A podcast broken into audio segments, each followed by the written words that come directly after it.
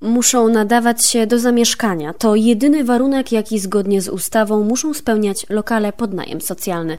Poza tym są zwykle niewielkie, a ich stan pozostawia wiele do życzenia. Ale czy tak musi być? W dzisiejszym wieczorze z Dolnego Śląska razem z moimi gośćmi szukamy odpowiedzi na to pytanie. Posłuchajmy teraz krótkiej relacji sprzed roku.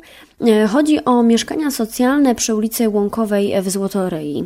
E, tamtejsi mieszkańcy oczekiwali od burmistrza nowych lokali socjalnych zlokalizowanych w centrum Złotoryi. E, skarżyli się na ciężkie warunki w mieszkaniach e, na Łąkowej i niebezpieczną okolicę. Na socjalnym blokowisku mieszkają wspólnie całe rodziny z osobami mającymi poważne problemy z prawem i używkami.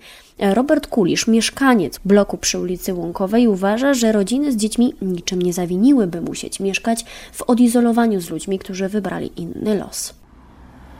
To jest tak, że wszyscy wiedzą, co się tam dzieje, oficjalnie się nie mówi. Wiemy, że Łąkowa jest niebezpieczna, awantury i bijatyki. Poza tym, że jest daleko i niebezpiecznie, to nie ma już gdzie upychać ludzi. To jest jakieś nieporozumienie, że do tych mieszkań są wprowadzane osoby nażywające alkohol, a później tam dzieci są dokwaterowywane. Czym oni zawiniły, że po prostu muszą mieszkać z tą osobą, ta osoba po prostu nażywając alkoholu po prostu używa tej samej kuchni, tej samej toalety. 9 osób na 40 metrach.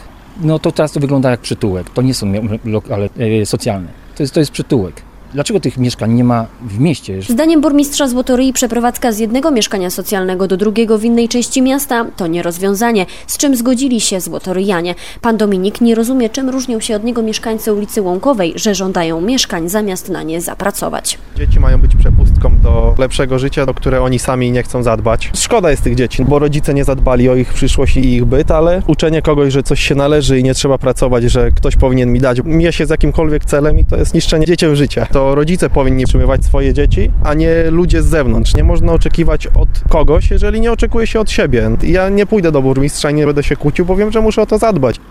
E, łączymy się teraz z Robertem Pawłowskim, burmistrzem Złotoryi. Dobry wieczór, panie burmistrzu. Dobry wieczór. To dlaczego nie udało się przenieść chociaż rodzin z dziećmi do lokali bliżej centrum, by nie musiały przebywać w tym środowisku? Ja cały czas mówię, że to niedobrze, że to w jednym miejscu to wszystko się dzieje ale proszę wziąć pod uwagę, że wiele z tych rodzin tam mieszkających w tych socjalach mają takie budżety miesięczne 6, 7, 8 tysięcy. Znam przypadek, gdzie, gdzie to dochodzi do 10 tysięcy złotych. Dlaczego, dlaczego, jeżeli tam jest tak źle, decydują się tam mieszkać? I ja już odpowiadam, bo nie płacą za czynszu, nie płacą za wodę, bo mamy jeden zawód, nie mamy możliwości odcięcia po poszczególnych mieszkań, nie płacą za odpady komunalne. To nie chodzi o to, żeby zmienić y, adres zamieszkania, tylko jakby sposób y, życia, tak?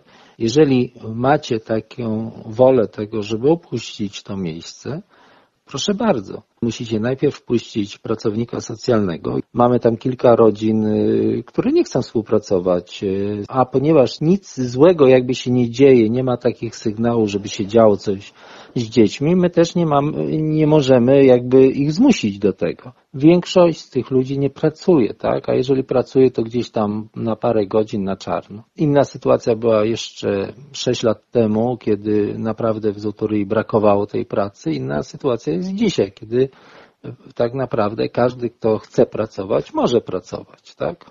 Panie burmistrzu, to czy lokale socjalne w praktyce faktycznie są tymczasową formą pomocy?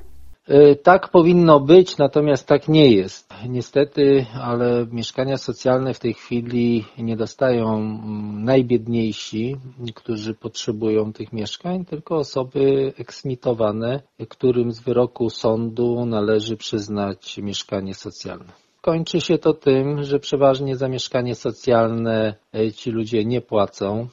No dobrze, ale czy te budynki na Łąkowej były, są remontowane? Oczywiście, bo ten budynek w 2000 bodajże roku został jako całkiem nowy budynek wyremontowany, oddany do użytku.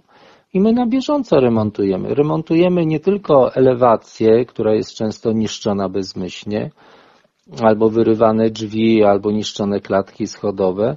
Jeżeli ktoś tam się wprowadza, to my nie wprowadzamy przecież tych osób do zdemolowanego mieszkania, tylko do wyremontowanego mieszkania. Natomiast to, w jakim jest stanie, to jest zasługa niestety mieszkańców. Czy one muszą być lokalami o tak niskim standardzie?